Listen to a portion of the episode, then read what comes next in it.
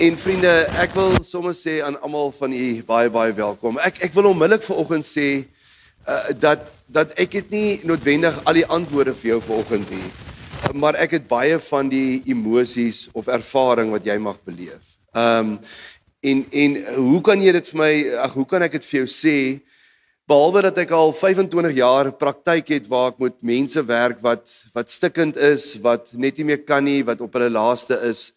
Ehm um, het ek in die 95 96. Dit is ehm um, so 5 ja, 25 jaar gelede het ek 'n uh, ehm um, nadat ek eh, 'n uh, Pinksterreeks en 'n uh, afgelos het in Nylersdrift gemeente. Nou die van u wat die Noord-Kaap ken, is naby Kaimoes. Ehm um, het ek een oggend 'n baie rowwe tyd gehad. Daar was 'n selfdood in ons gemeente en die dominee was weg en ek was 'n jong student. Rowwe tyd gehad en toe ons klaar is die dag Toe sê hy vir my, een van die boere vir my, maar Fanie, kom ons, jy's nou klaar, kom ons vat 'n dag af en ons gaan skiet sommer 'n bokkie of twee en ons ry bietjie rond. En toe ek die oggend uitklim om die hek vir hom oop te maak, ehm um, want hy moet nou deurry. Toe kom ek agter maar my my spraak is weg. Ek ek kan niks praat nie. Ek is soos iemand wat afasie het waarvan u weet as jy beroerte klaar gehad het, so ek kan daar's geen woorde nie. Ehm um, en ek klim in die bakkie en ek sweet en ek Hy sê vir my, "Is jy okay?" Ek sê, "Ek kan nie praat, ek voel baie sleg." Ehm um, en hy ry met my toe dokter toe en dis toe uh, 'n uh, groot paniekaanval wat ek gekry het. En van angs en 'n 2 jaar 'n worstelstryd met met my gemoed. Ehm um, op medikasie by tye in die oggend opgestaan dan dan voel ek ehm um, ek ek dis dis klaar. Ek kan nie meer nie. Ehm um, so ek het vir iemand gesê ek het gedraai by insanity want jy voel net jy in in in die alledaagse terme voel of besig om mal te raak. Ehm um, en en ek moes 2 jaar en dan na die hele herstelproses ehm um, op antidepressante geworstel met my gemoed. Ehm um, en ek verstaan vandag. Ek verstaan vandag hoekom. Ehm um, dat omdat mense by my kom sit en mense stikkend is en ek kan presies vir jou sê nie hoe jy voel nie, maar ek kan met jou deel en ek weet waar deur die gat waardeur jy gaan. So vriende, dis vanuit dit. Dis nie vanuit 'n hoogte of ek kom deel met u 'n klomp kennis sê ek was vir lank in hierdie 25 jaar op antidepressante gewees. So ek deel vanoggend met u wat wat ek self ervaar het en dan 25 jaar van praktykervaring wat ek daagliks mense sien. Um en en dan ook um, vanuit die pastoraat. So is my wonderlike voorreg om vanoggend by u te kan wees. Ehm um, en ek wil graag net eers met u ehm um, 'n stukkie rondom die woord stil staan. Daarna soos ek gesê het, gaan ons weer 'n lied sing en dan gaan ek ingaan in die depressie en ek sal ek gaan probeer so klaar maak dat ons so 5 of 10 minute voor die tyd het as daar vrae is dat ons dat ons vrae ook kan beantwoord. Ehm um, vriende in hierdie stadium waarin ons leef is daar ongelooflik baie mense om ons wat wat, wat sê hulle is moeg En ek praat as ek jy vra watter stadium praat ek nou van 2022. Ek praat nie van die vorige 2 jaar, ek praat van die afgelope 3, 4 maande. Die tema daar in my kantoor is moeg, ehm um, is moedeloos. Uh, is geagiteerd. Mense is geïrriteerd en geagiteerd met mekaar. Ehm um, wat ek nog ervaar het is dat mense voel afgestomp in hulle verhoudings. Met ander woorde, jy het lanklaas iemand genooi vir 'n braai of 'n kuier en mense nooi jou ook hier. Daar's amper so halwe doldrum, so stilte. Ek weet nie of jy dit agtergekom het nie en en en jy jy verstaan half nie dit nie. En dan het jy ook as daar seisoene in jou vriendskap gekom wat sê ag, okay, dis ook so. Ehm um, ons het hierdie mense lanklaas gesien en ag, dit was ook nie sulke goeie vriende vir ons. Dis dis asof jy sê maar ehm um, ag, dis okay om al hoe meer op jou eie te wees. En vriende, ek het gedink dat dit net sekere mense is wat so voel of eh, dat dit net daar in my praktyk is dat ek nou 'n sekere groep van die samelewing sien waar mense so voel. Totdat ek so tyd gelede daar by die Toringkerk ry. Toe sien ek op hy wit bord van hulle wat hulle altyd hulle dienste adverteer is kom na my toe almal wat moeg en oorlaai is. En in dieselfde week toe bel Johan van Lille vir my En hy sê vir my Fani, eh, nie ek nie, maar van bo af gekom. Ehm um, dit het gekom van van RSG af, want landwyd ervaar hulle dat mense swaar kry en in 'n depressie is. En toe vra hy vir my maar kan ek nie praat op op um, geestesgesondheid oor oor ehm um, resilience of ehm um, en oor veerkragtigheid en hoe om uit hierdie ding uit te kom nie. Vriende, toe kom ek agter is ten minste landwyd. Ek weet nie van wêreldwyd nie, maar mense kry swaar en uh, die vraag is hoekom nou? Ehm um, jy kan ver oggend hier sit en jy kan bietjie identifiseer met die goed wat ek nou gesê het. En dan kan jy vra my hoekom nou? Ons is tog nou deur die ergste Covid. Ons is tog nou uh, dat die vragmotors weer kan loop en die restaurante het oopgemaak. Hoekom nou? En ek vriend, dink vriende, daar's twee redes. Hoekom ons op hierdie stadium sit en en hoekom begin ek ver oggend met u hieroor want ons moet die makro konteks verstaan. So jy gaan my baie hoor praat van die makro konteks en die mikro. Die mikro konteks is jou spesifieke probleme en dit wat vir jou dat angstig of depressief voel. Maar jy moet verstaan, miskien is daar baie mense wat so voel op hierdie stadium en dat daar 'n makrokonteks is waarin ons leef. So wat is die makrokonteks op hierdie stadium? Dit word genoem PTSD, post traumatic stress disorder. En dis waarin die wêreld sit.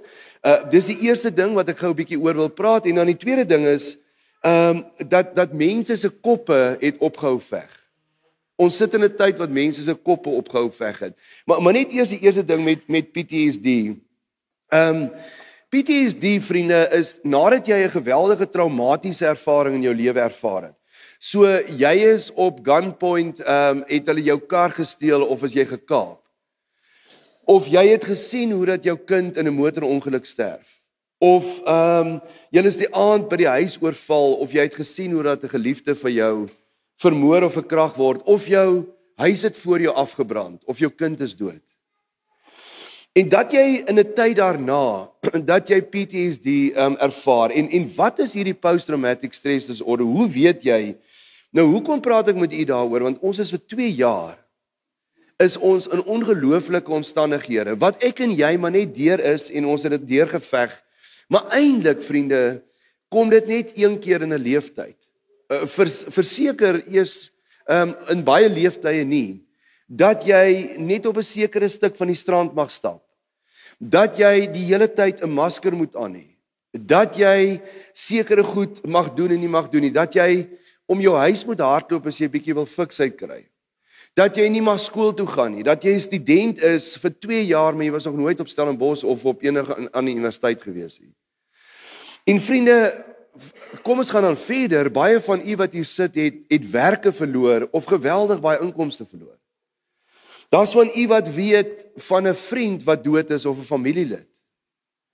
Uh, ons is deur die dood gekonfronteer vir 2 jaar en 'n radikaal ehm um, traumatiese ervarings. En en wat is dan die simptome wat jy beleef? Die eerste ding van PTSD jy jy beleef uitsigloosheid. Met ander woorde, daar's nie vir jou toekoms nie. Eh, elke kanaal waarna jy afdink, ook in ons land, ook in jou moet ek gaan leer, uh, moet ek ek is nou op pensioen, ek is nou elke kanaal waarna jy afdink is vir jou swart. Uh, Daar's 'n uitsigloosheid en dit is 'n simptoom van PTSD. 'n Tweede simptoom, vriende, is wat hulle noem 'n social disconnect, 'n sosiale diskonneksie. Met ander woorde, jy voel nie meer so erg oor jou ouses of oor selfs in die huwelik of daar's 'n afgestomdheid wat jy beleef teenoor mense om jou. Um, deel van PTSD, dis asof jy nie wil omarm nie, asof jy nie wil engage in mense rondom jou nie. 'n uh, derde ding vriende wat ons in hierdie tyd ervaar is is dat mense geagiteerd is, geïrriteerd en dat hulle um, ons sien dit op op die skool op sportvelde. Gister weer um, is daar tussen tussen Wellington en eh, 'n uh, skool in Bellville is daar 'n geweldige groot bekleierery op die op die veld uit en waar kinders mekaar slaan. Ehm um, ons het dit nou gesien ehm um, met met 'n uh, 'n uh, monumentpark in die uh, uh, verlede week. So dit daar is 'n geagiteerdheid onder mense en geïrriteerdheid. En dan vriende, 'n uh, vierde ding is daar 'n uh, behalwe die uitsigloosheid, is daar vir nou, die tyd waarin ons nou leef, is daar sommer net negativiteit. Jy jy is nie meer lus nie. Alles lyk vir jou swart. Saam met dit is daar 'n tweede ding wat met ons in 'n makrovlak gebeur reg oor die wêreld, vriende, en dit is ons koppe het opgehou veg. Baie interessant. Hulle het navorsing gaan doen dat 43% van alle mense wat die komryds hardloop en ingee wat die ambulans moet kom optel wat nie meer kan nie wat wat wil op wat opgehou het met die komryds 43% daarvan gebeur oor die laaste 10 km toe doen hulle navorsing en sê maar op 'n fisiese vlak kan jy nog nog 20 km hardloop as jy 84 kwa hardloop ek weet nie hoe daai ouens dit reg kry nie vriende maar as jy 'n hardloper is sal jy weet jy gaan nog kan hardloop Maar toe kom hulle agter mense se koppe gee in op die laaste 10 km. Hoekom? Want dan hoor jy die stadion se mense daar in Durban skree en juig. Dan kom jy om die laaste draai en jy sien daar is die eindpunt en jy's dankie tog, dis nog net 300 meter jy's klaar. En op daai oomblik hou jou kop op veg. En as jou kop ophou veg, gee jou liggaam ook in. En dit is waar ons nou is na post-COVID en dit ons noem dit ook lank COVID. Ons spreekkamers is oorvol. Die psigiatriese inrigtinge is oorvol. Want mense het gesê in ons koppe moet ons net deur die ding veg, moet net nog 'n maand uithou.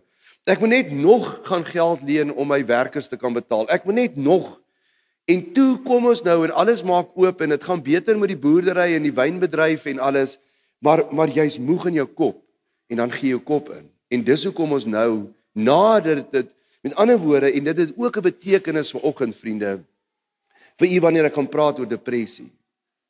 Want u weet mos, um, ons sê altyd, "Ai man, hoekom het ou Piet ek kan nie verstaan dat hy dit nou gedoen het nie." Dit het dan so goed met hom begin gaan die afgelope tyd. Ou Piet is dan deur sy krisis en finansiële dit beter begin gaan. Nou verstaan u hoekom mense baie keer op die goed gaan kurwe selfdood pleeg of daar net voel hulle kan nie meer nie. Vriende, maar dit is in hierdie omstandighede dat die dat die Here Jesus vanoggend vandag vir jou kom sê soos jy hier sit kom na my toe almal wat uitgeput en oorlaai is kom na my toe as jy vandag moedeloos is uh, vriende maar vir lank het ek hierdie teksvers nie verstaan nie en en toe ek gaan worstel met die teksvers en gaan dink en gaan deur hierdie ding gaan toe toe gaan daar vir my 'n lig op so ek wil graag vanoggend die lig vir u ook gee. Kom na my toe, almal wat moeg en oorlaai is. Maar Here, ek bid al so lank. Ek kom al so lank na u toe. Maar maar is asof hierdie ding nie wil eindig nie, asof ek nie uit hierdie gat uit kan kom nie. Maar ek dink ons verstaan partykeer hierdie teks verkeerd. Um en daarom wil ek vandag saam met u dit lees en en 'n paar woorde daaroor sê. So as u u Bybel hier het, wil ek u uitnooi om saam met my te gaan kyk na Matteus 11. Ehm um, kom ons blaai na Matteus 11 toe. Matteus 11 Ehm um, daar op bladsy 18 in die Nuwe Testament, Matteus 11 vers 2 tot 6. Ehm um, vers 2 tot 6 Johannes het in die tronk gehoor wat Christus alles gedoen het. En hy het toe deur sy volgelinge 'n boodskap aan hom gestuur om hom te vra: "Is u die een wat sou kom of moet ons 'n ander een verwag?" Vriende, 'n ongelooflike relevante vraag. Onthou gou-gou, ehm um, Johannes ehm um, is 'n neef van Jesus en hy het gekom om die pad vir Jesus gelyk te maak. So Johannes weet ehm um, wie hierdie Jesus is. Hy is die Messias. Trouwens, dis al uit Jesaja uit voorspel dat Christus sou kom. En nou ehm um, begin hy twyfel.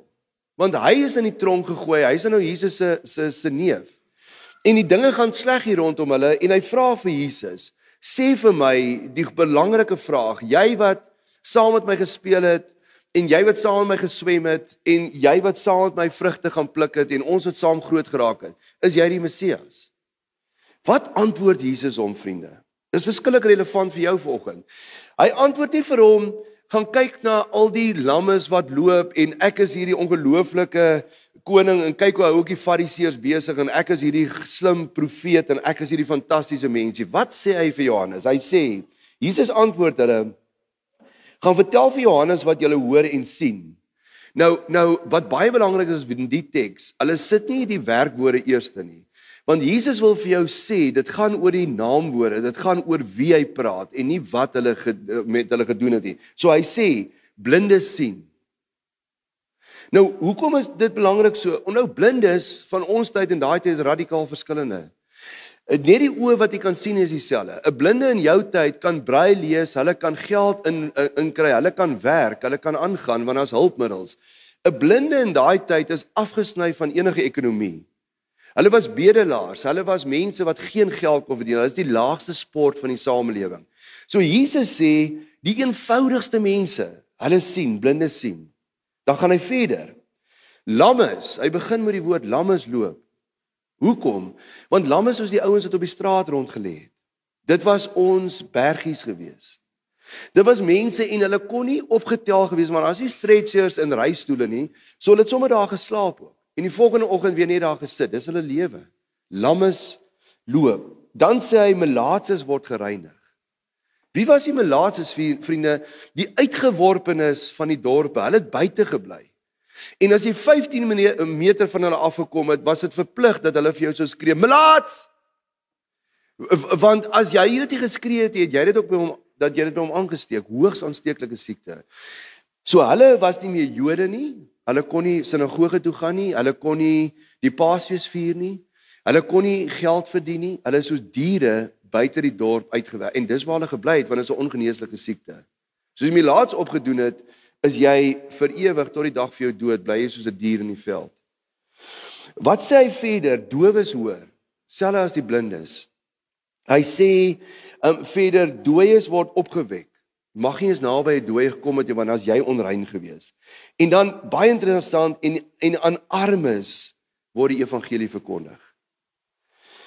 En gelukkig is elkeen wat nie aan my begin twyfel nie. So hy sê Johannes, as jy wil weet wie die Messias is, as jy wil weet hoekom het ek na hierdie wêreld toe gekom, as jy wil weet Lukas 4 gaan lees Jesus se eerste preek, wat is my hart? dan is dit vir die eenvoudigste mense op aarde. En ek wil vanoggend nie vir jou sê dat wanneer jy in depressie lê, is eenvoudig nie. Ek wil vir jou sê dis hoe jy baie keer voel. Eh, dat jy voel jy kan nie meer nie. Dat jy voel ag, ehm um, wat maak wat maak ek tog nou saak? Ehm um, ek het so 'n tyd gelede in daai aangrypende boek van Jay Shetty van 'n uh, uh, uh, Think Like a Monk, as jy die boek kan lees, vriende, kry dit vir jou. maar sê hy in die boek, hy sê die groot probleem, ekskuus daai, groot probleem in die mensdom is die volgende. Hy sê jy is nie wie jy dink jy is nie. Jy is ook nie wie ander dink jy is nie. Jy is wie jy dink ander dink jy is. Dis jou probleem. So as jy maar net is wie jy dink jy is, uh, jy dink baie beter vir jouself as jy ooit gedink het. Ehm um, as jy as jy maar net is wie ander van jou dink. As jy maar net weet hoe goed ander van jou dink en hoe lief ander van jou is. Hy sê maar die probleem lê wanneer jy dink wat ander van jou dink en daai ding kom terug in jou toe, dis wanneer jy in 'n gat sit. Uh, vriende, um, kom ons lees verder vers 11. Dit verseker ek julle Onder die mense op aarde is niemand gebore wat groter is as Johannes die Doper nie. En tog hier kom die tema weer. Tog is die geringste in die koninkryk van die hemel groter as hy. Vriende, en dan met hierdie gehoor, hoekom is dit nodig dat ek dit weer vir julle gelees het? Met hierdie gehoor sê hy in vers 25. Daardie tyd het Jesus gesê, ek prys U Vader, hemel van hemel en aarde, Here van hemel en aarde, dat u hierdie dinge vir slim en geleerde mense verberg het vir die fariseërs en die sadiseërs en dat dit u dit aan eenvoudiges bekend gemaak het ja Vader so was dit u genadige bedoeling vers 27 my Vader het alles aan my toevertrou en niemand ken die seun nie behalwe die Vader en ook ken niemand die Vader nie behalwe die seun en elkeen aan wie die seun hom wil bekend maak kom na my toe almal wat uitgeput en oorlaai is en ek sal julle rus gee. Wat sê hy verder? Neem my juk op julle en hierdie deel het ek nie verstaan nie, so ek wil dit graag met u deel vanoggend en leer van my want ek is sagmoedig, my gemoed is sag. Ek is sagmoedig en nederig van hart en julle sal rus kry vir julle gemoed. Hy sê nie sal rus kry vir julle lewe of julle denke nie. Wat sê hy? Jy sal rus kry vir jou gemoed. Wat is depressie en wat is angs? Angs en depressie is 'n gemoedstoring. Jou gemoed is siek. Nie jou persoonlikheid nie, want dan wat jy as twee persoonlikhede gehad het, was jy psigopaat of 'n narcis. Jou persoonlikheid is 100%, nie jou brein nie, jou brein is 100%. Jou liggaam is 100%. Maar jou gemoed is siek. En ons gaan verder vanoggend daaroor deel. Dan sê hy my juk is sag en my las is lig. Vriende, wat ek ver oggend vir jou wil sê is um, op 'n op 'n teologiese vlak jy jy kan nie geloof met jou kop uitwerk nie. En dis hoekom ek eers begin het met die predikingsdeel want want as 'n pastorale sielkundige is daar twee wêrelde wat in my wêreld bymekaar kom en dis die kerk en die woord en God. Ehm um, maar dit is ook die sielkunde. Uh, wat op Stellenbosch en op meeste universiteite geweldige groot vyande vir mekaar is. Toe ek aansoek doen vir my M, het hulle my gesê jy moet net nie proponent voor jou jou jou naam skryf nie, want dan gaan jy nie gekeer word op Stellenbosch vir jou M nie. As 'n geweldige vyandskap tussen teologie en sielkunde. En daar's redes ook voor wat ek altyd wil verstaan, maar maar ek wil nie nou daarop ingaan nie, maar wat die teologie en die sielkunde bymekaar kom, is dan om vanoggend vir jou te sê, as jy ook nog in terme van hoe jy oor God dink en hoe jy vir God liefhet, jy daar ook nog in 'n gat sit want jy kry nie vir God uitgewerk met jou lewe nie. Gaan dit mos nou nie vir jou help met jou depressie en jou gemoed wat ach, wat wat wat wat uh, angstig of depressief de, depressief is nie. So wat probeer ek vanoggend vir u sê? Vriende, twee twee woorde wat jy kan neerskryf in jou Bybel of altyd kan vers, uh, wil onderskei en die lig het vir my die afgelope jaar opgegaan met die twee woorde. Jy moet nooit vir God probeer probeer rasioneel uitwerk met jou verstand nie. Met ander woorde, ons kan nie vir God met ons koppe uitwerk en verstaan nie. Ou kom ek vat net 'n praktiese voorbeeld vir. 'n Praktiese voorbeeld. Hier lees ons in die woord dat Johannes het Jesus op pad vir hom gelyk gemaak. Ons lees dat Johannes vir Jesus doop. Ons lees dat Johannes die grootste profeet van alle tye van die Nuwe Testament is. En dieselfde Johannes net omdat 'n meisietjie daar dans en sê, um, "Maar ek wil graag um haar ma steek haar op en sê vra vir Herodes asseblief enige iets wat jy begeer." En sy sê sy wil Johannes se kop op 'n skinkbord hê. Dan gaan hulle tronk toe. Dan sny hulle Johannes se kop af. Sit dit op 'n skinkbord. Dan vat hulle dit na die na daar waar hy dans. Nou kan jy sê maar hoe maak God hier sin? Dit is dan nou sy uitverkore profeet wat die pad vir Jesus moet gelyk maak. Vriende, jy kan ook nie jou lewe en omstandighede met jou kop uitwerk nie. Daar is net sekere tye in jou lewe wat dinge net vir jou nie gaan sin maak nie. Dan is dit in hierdie tye wat Jesus vir jou kom sê, kom na my toe, jy wat uitgeput en oorlaai is. Jy wat nie meer raad het vir jouself vanoggend nie. Jy wat tussen jou vriende of by die werk of so voel soos 'n blaar wat van 'n dak af waai, nê? Nee, jy, jy jy voel so want jy voel jy het geen gewig nie. Jy wat nie meer raad het vir oggend vir jou huwelik nie. Uh, jy wat nie meer raad het vriende ehm um, en en vir jou kinders of een van jou gesinslede nie. Jy wat ver oggend na Covid tyd sit en nie meer geld het nie. En daar's ook nie veel uitsig vir jou in jou besigheid voorkant toe. Jy jy voel of alles tot 'n einde gekom het. Vriende, ehm um, so sê Marelyn, 'n bouer in haar getuienis in die WhatsApp wat sy vir my gestuur het.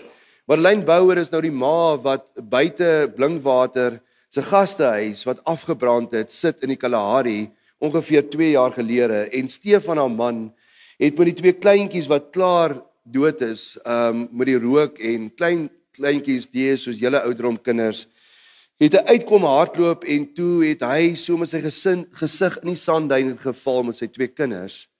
Um haar twee kinders en haar man is dood. Uh, 13 mense net 3 het oorgebly. En sy sê en vriende sy is 'n verskriklike level-headed sterk vrou. Sy sê so sy sê emosionele sy dit sê nie. Sy sê Daai nag toe sy 3 daar sit, want hulle nêrens heen om te gaan nie. Hulle het met die cruisers gery um uh, Appington toe om die van die mans wat gebrand het te vat. Hulle sit daar op die duin en daar's niks oor hier. Die gastehuis is afgebrand. Sy sê en op 'n onverklaarbare manier was God daar. Beleef sy God, sy sê in daai stilte in die laaste vlamme wat in daai Kalahari nag opgaan wat sy nog nooit vir iemand kon verduidelik het nie. Vriende, dit bring my by die tweede punt uit. Jy gaan nie vir God rasioneel verklaar nie. Jy gaan hom probeer uitwerk met jou kop. Jy gaan nie. Daar's sekere goed in jou lewe wat net nie gaan sin maak nie. Maar die tweede woord kan jy vir God nie uitverklaar nie, maar kan jy aan hom vashou en dit is om hom relasioneel te ervaar. Die Hollanders praat van jy het 'n relasie met iemand, jy het 'n verhouding met iemand. Die Engelse woord is 'n relationship. Jy kan vir God relasioneel ervaar. Met ander woorde, terwyl jy hom nie verstaan nie, kan Paulus se woorde in 2 Korintiërs 12 eh, vers 9 vir jou begin sin maak om te wat hy vir Paulus sê, Paulus, my genade is vir jou genoeg. My genade is vir jou genoeg.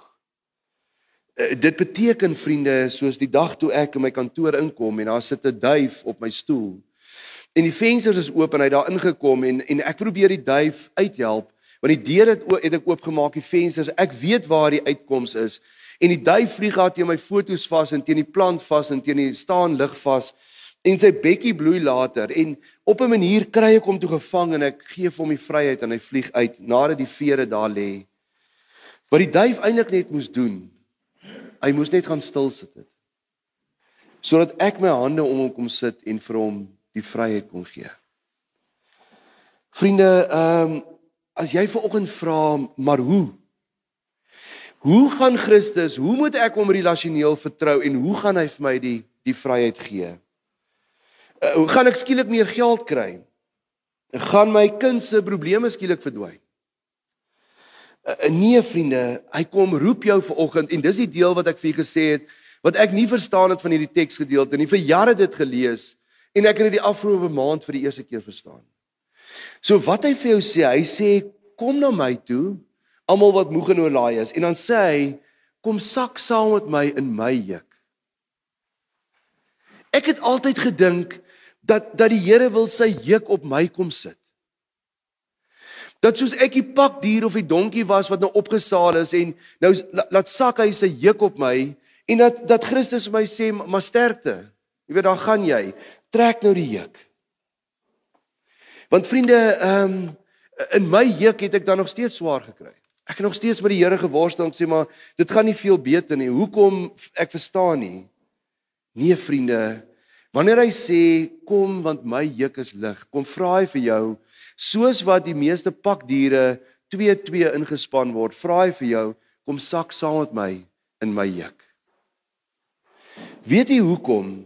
Vriende, want want sy wanneer jy saam met hom sak stap hy op sy spoed met jou wanneer jy saam met hom gaan sak vriende kom jy agter stap hy die paaie wat hy ken maar u sien vriende ons grootste probleem is ons wil 'n reguit lyn ons wil God se wil in 'n reguit lyn sien Um en ook 'n jager, die groot Hollandse teoloog sê God gee nie sy wil vir ons so nie, want dan's jy in beheer. Dan bly jy God dan verstaan jy hom rasioneel en jy probeer op hierdie stadium miskien in jou lewe verskriklik hard om hom rasioneel uit te werk. Die punt is dat God gee sy wil vir jou in 'n stippellyn. Dan sien jy of die stippellyn op en af gaan. Stap net eers die stippel waar jy nou is en God gaan vir jou die volgende stippel gee. Moenie nou al voorspel dat as jou kind in graad 11 nie wil leer nie of hy het sy eerste of tweede jaar nie deurgekom nie. O, oh, Jessie, hier's 'n mislukking en jy ehm um, jy weet hoe hard is die wêreld en jy gaan dit nooit maak nie. Nee, vriende, stap net die stippel waar jy nou is. En dan wil ek begin afsluit met met wat sê Jesus oor in in 1 Johannes 5 vers 3 as u dit wil gaan opsoek. Hy sê die volgende Die liefde vir God bestaan daarin dat ons sy gebooie gehoorsaam saam met hom in sy juk sak.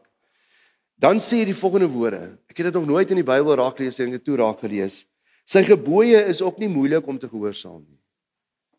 Vriende, ons gaan in hierdie wêreld baie baie probleme kry. Maar ek wil vanoggend hê dat jy net 'n fokusverskywing maak.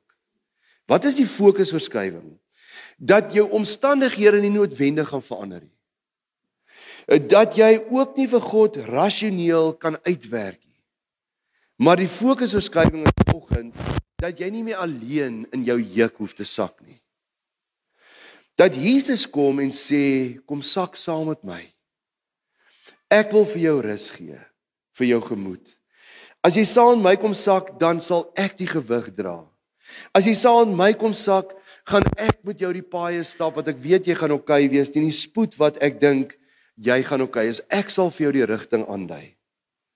Vriende en en dan raak ek baie kwaad in kerke as ek sit en die dominee het nou net dit gesê en ek gaan sit en sê okay ja you right. So so hoe gaan ek nou in Jesus se juksak en hoe gaan ek op fokus? Nou gaan hy nou skielik hier die lig uitval en hy kom voor my staan en of my sê dis nou hoe ek moet doen. Nee vriende. Wanneer jy op hierdie punt jou lewe gaan begin inrig om meer tyd, die woordjie tyd, saam met die Here te spandeer.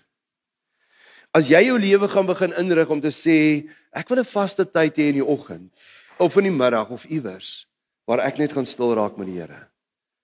Ek wil die Here vertrou dat ek 'n honderdste, ehm um, nie meer 'n duisendste nie, maar net 'n honderdste in terme van my vergelyking op Facebook en Instagram my selfoon, dat ek net 'n honderdste van daai tyd vir die Here sal gee vir die Bybel.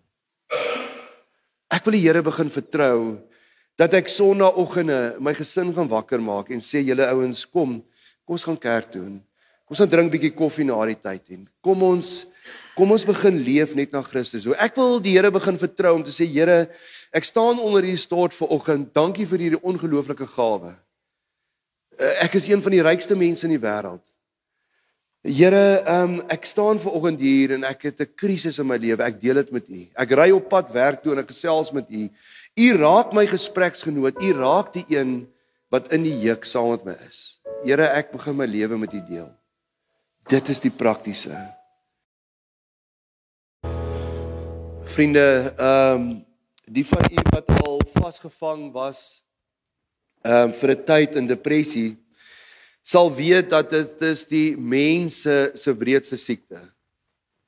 Daar is Ehm um, jy kan soos die persoon vir my gesê het Fanie met my kanker het ek geweet waar ek op pad is. Ek gaan of die chemo gaan daarvoor help of dit gaan nie. Ehm uh, toe is ek genees, maar toe het ek depressie gekry, nie as 'n jare daarna. En ek, hy sê net vir my ek ek sal die kanker weer vat. Maar nie die depressie nie. Vriende, ehm um, ek dink die belangrikste ding wat jy vir oggend moet verstaan is dat depressie is 'n siekte en nie 'n swakheid nie. Ons baie belangrik.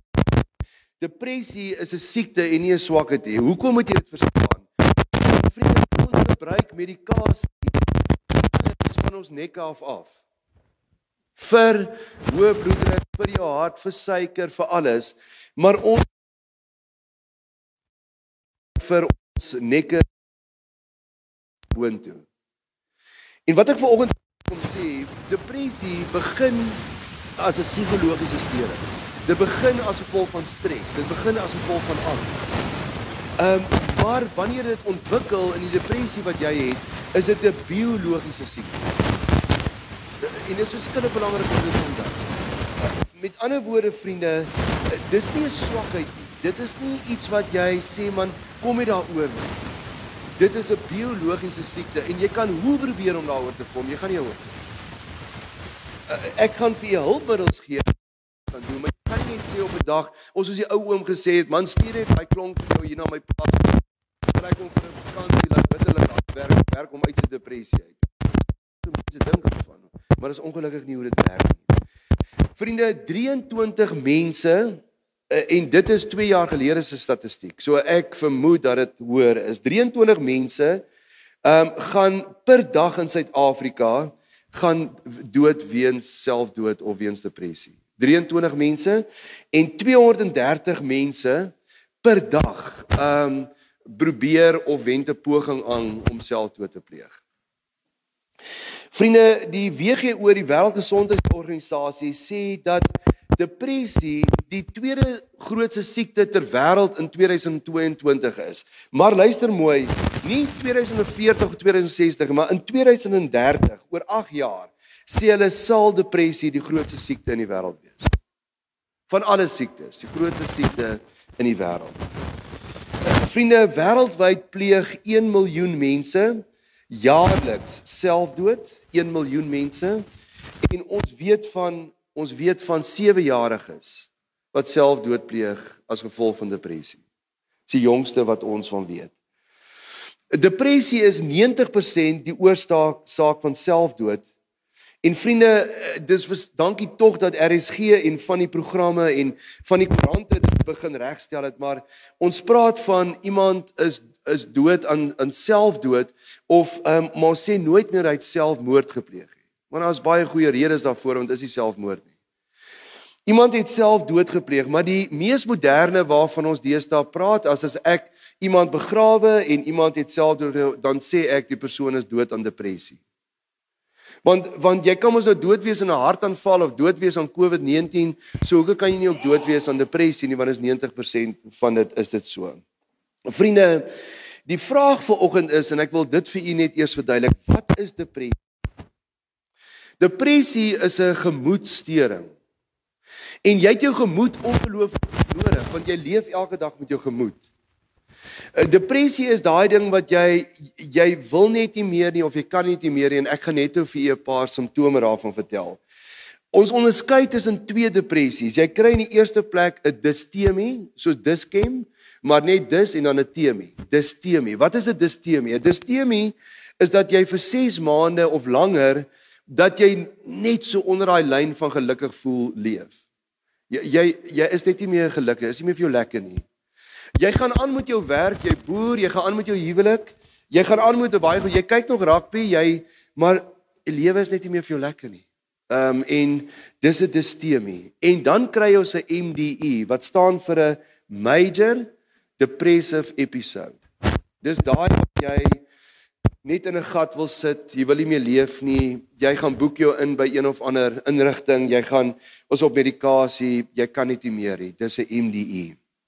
Vriende, en om dit te verstaan, wil ek vinnig vir u, hierdie is bietjie tegnies en ek sou dit as ek meer tyd gehad het vir u op 'n PowerPoint wil verduidelik het, maar just bear with me want want dit is belangrik dat jy dit verstaan. Wat is depressie? Sê vir my sê okay, Fanie, wat is depressie? Goed. Wanneer jy ehm um, by jou pel se huis aankom, maar jy het nie geweet hy het 'n rifrig vir hom aan aangeskaf nie en jy staan en lei die klokkie en hier kom hy hond met so oop mond na jou toe, nê? Nee of jou kind skree daai diep skree wat ons as ouers ken en hy sit onder die garagedeur vas. Of jy um, is jy was in 'n ongeluk gewees. Skei jou lig ongelooflik maar is so baie ons praat van 'n damp want dit dit is dit is binne is nie eers 'n sekondjie is binne binne 'n breekdeel van 'n sekond skei dit adrenalien af want jy het adrenalien nodig om te oorleef, om te veg of te vlug, nê. Nee.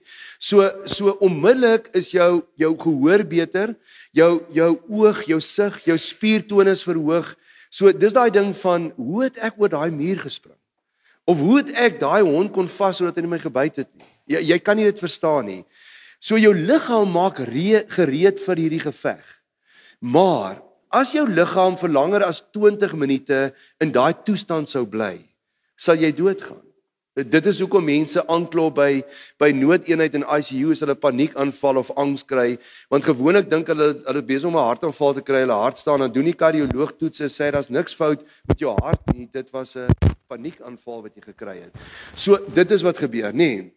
Nou is die adrenalien te hoog in jou liggaam. Hoe weet jy wanneer die adrenalien ver oggend te hoog is in jou liggaam?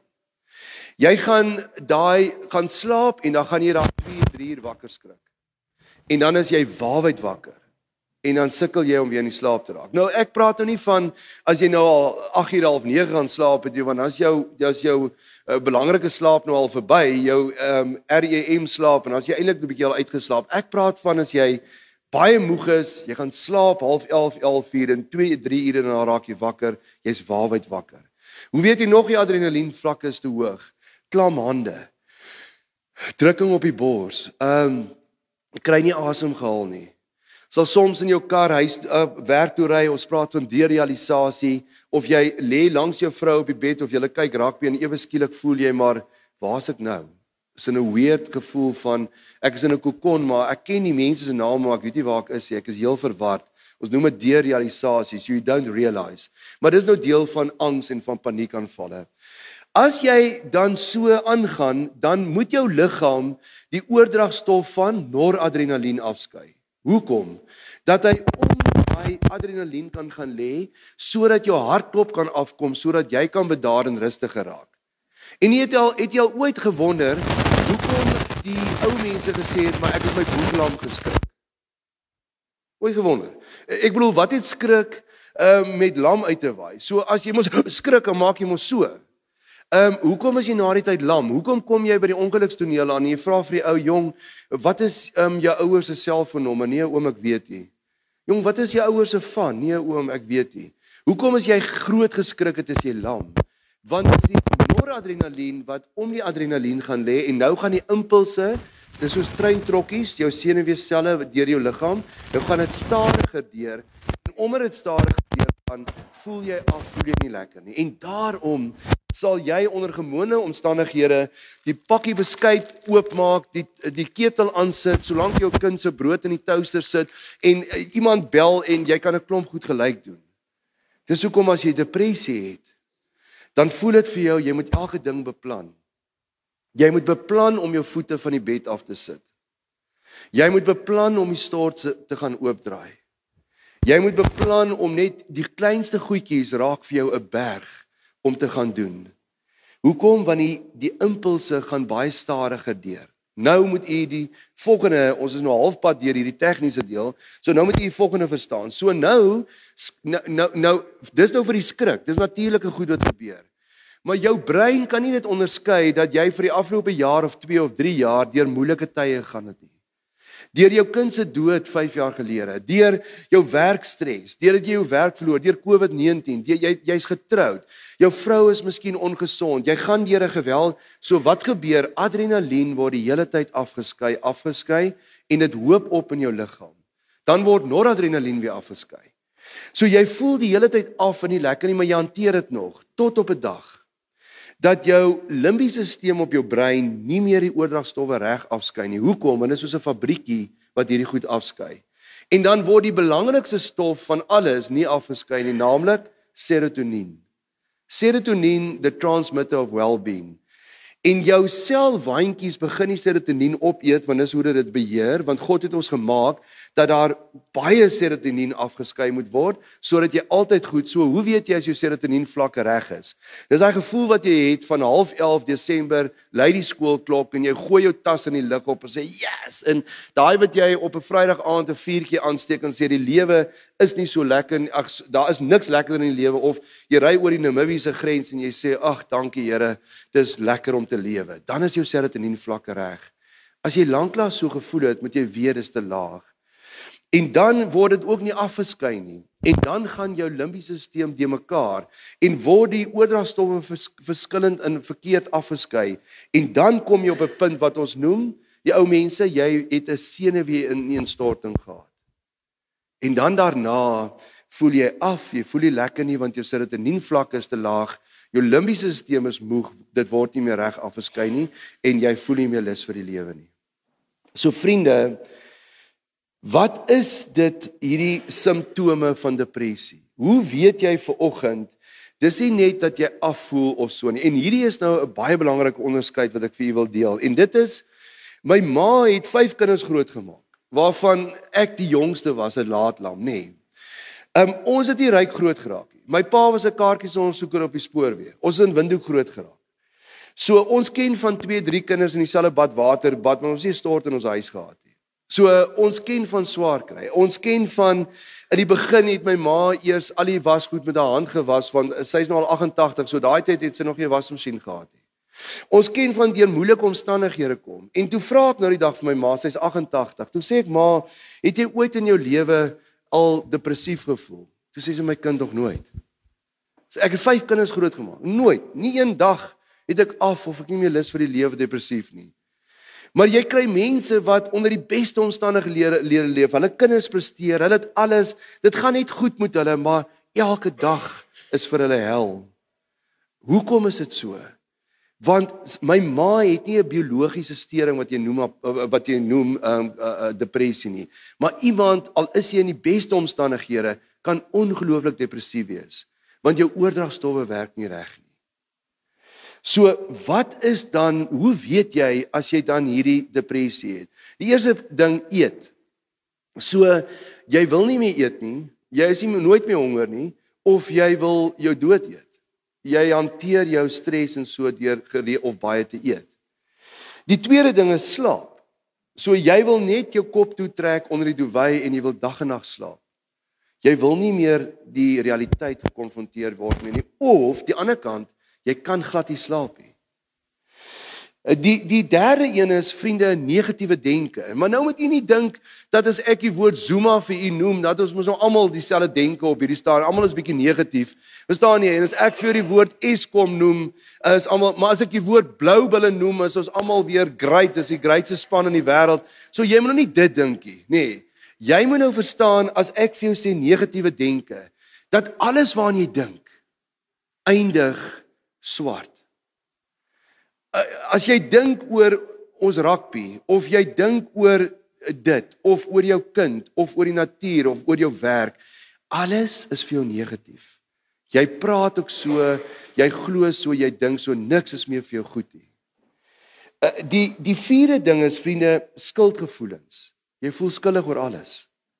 Jy voel oor alles skuldig. Ehm um, die vyfde ding, jou kreatiwiteit neem af waar jy voorheen op die plaas in die boerdery kon gedink het en gou hier 'n plan gemaak het op jou voete gedink het of jy's 'n binneshuise versierder of argitek of jy maak glas of jy's 'n ongelooflike kreatiewe persoon jy voel net jou kreatiwiteit is af. Die volgende ding is sesde ding is uitsigloosheid. Jy jy, jy sien nie meer 'n toekoms nie. Daar is nie lig in die tonnel nie alles vir jou donker Die die volgende ding vriende, 'n lae eie waarde. Onthou gou-gou, hierdie is 'n simptoom van depressie. Dis nie wie jy is nie. So voor die depressie kom by jou aan jou deur kom klop het wat het jy taamlik goed gevoel oor jouself. Nou voel jy jy het 'n lae eie waarde, jy voel negatief in die huwelik, jy voel negatief tussen jou maats by die skool, jy dink min van jouself want dis 'n simptoom van depressie. Die agste punt vriende, magteloosheid. Magteloosheid. Hoe ek altyd weet as my gemoed begin afgaan, is is ek alles sien as groot. Hoe kry ouens dit reg om 'n knoppie te druk en dan stuur hy 'n foto Amerika toe op WhatsApp? Hoe die ouens as ek begin wonder, alles voel vir my te groot. Alles voel vir my ek voel magteloos. Dan voel ek dan weet ek ek is besig om af te gaan. Ehm um, nog 'n ding, die genotsbeginsel. Die negende ding, niks is meer vir jou lekker nie. Voorheen was dit vir jou lekker om Nieuweland toe te gaan, 'n bietjie vleisie daar te braai of om jy en jou broer gaan bietjie trout vang op 'n plaas of jy's mal gewees oor fietsry. Niks is meer vir jou lekker nie. Dan die 10de een is libido, la libido. Jy jou seksdrang is af. Jy uh, daar's 'n sexual disconnect. Jy dink nie eers meer seksueel nie. Uh, dit is soos 'n dood. Ehm um, jy voel nooit lus vir seks nie, jy dink nie eens daaraan nie. Dan die 11de ding vriende, denke oor die dood. Jy sal heeltyd oor die dood dink, altyd, nê. Nee. En en dit beteken jy sal begrafnis of die burger se blaadjies gelees wie's nou weer dood of jy sal hoor soveel is dood, jy dink heeltyd oor die dood.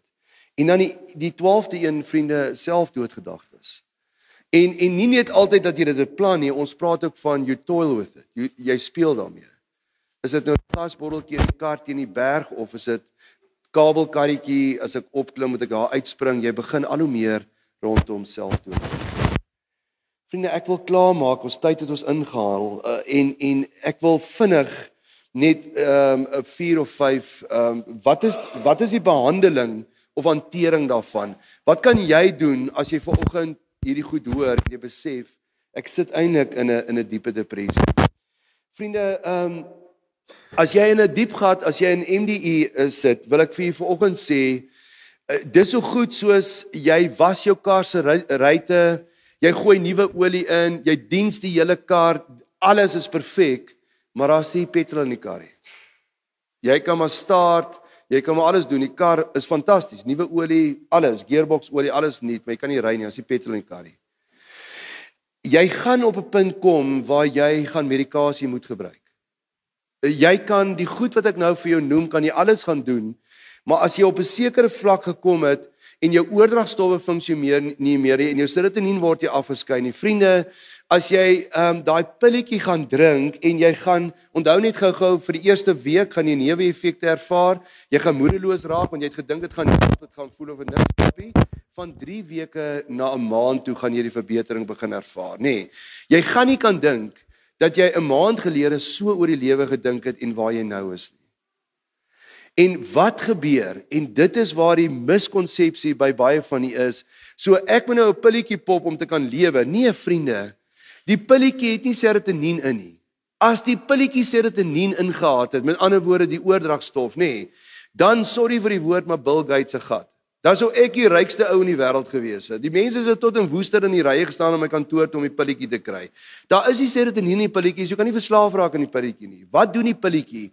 Hy seël net die waandjie van die sel van daai selletjie, die neuron, sodat daar nie die hele tyd die serotonien opgeëet word nie.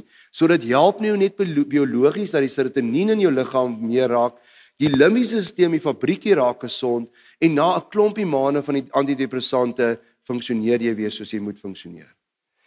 Die tweede ding is vriende en as jy depressief is, gaan jy lus wees vir hierdie een nie, maar ek wil lowe vir jou jy kan jou depressie 80% verbeter deur die volgende ding: oefening, oefening, oefening. Jy gaan nie lus wees om te gaan draf as jy depressief is. Jy gaan nie lus wees om te gaan fietsry nie. Vriende, oefening, oefening. Ek kan die hele oggend vir maar as jy daarvoor tyd. Hoekom fisiese oefening? Ek kan vir 10 biologiese punte mediese goeder noem. Jy kan uit jou depressie uit jou oefen op die ou end, maar jy moet oefen. Die derde ding is sonlig. So ek het gesê in die begin, my vriend het gesê hy sterf eerder aan kanker as in depressie, nê. Nee. Ons is almal bang vir velkanker of jy moenie baie in die son nie. So stel jouself meer bloot aan die son. Ek kan nie vir u vertel nie want is die tyd daarvoor die maar sonlig, nê. Nee. En dan die laaste stap vriende, die, die eet. So ek sit jou nie op 'n dieet nie, is baie maklik. Jy wil die jy wil net Vitamien B in jou liggaam verhoog en jy wil alle kafeïen uit jou liggaam uit hê. So mense wat by my aankom sit altyd met 7, 8, 10 koppies koffie op 'n dag. Moenie koffie drink nie. Moenie chocolates eet nie en moenie Coke drink nie. Alle kafeïne. Hoekom? Kafeïne is 'n stimulant, so dit stimuleer die afskeiding van adrenalien, dan kom die noradrenalien weer die hele proses in jou liggaam. En hoekom drink ons almal in die oggend vroegoggend 'n uh, uh, koffie? Dan dan een koffie op 'n dag drink. Dis beter om niks maar as jy wil een drink. Want dit skop onmiddellik die adrenalienstelsel. En as jy koffie gedrink het voel jy onmiddellik wakkerder. Maar wat gebeur nou? Na 'n uur begin die noradrenalien afgeskei word. Nou voel jy meer af en depressief. Nou drink jy weer 'n koffie. En so is dit 'n downward spiral. En vriende dan baie Vitamien B. Gaan na die apteek toe kry vir Vitamien B inspuiting. Gebruik Vitamien B en eet kosse gaan Google dit waar daar baie Vitamiin B is. Want Vitamiin B help die neurone om normaal te funksioneer en dit help vir jou. Al hierdie goed is hulpmiddels, maar as jy op 'n vlak gekom het vriende waar jou oordragstowwe nie meer werk nie, gaan sien 'n psigiater, laat hy vir jou 'n goeie antidepressant voorskryf en bly daarop so lank as wat jy kan, want hoe langer hoe beter.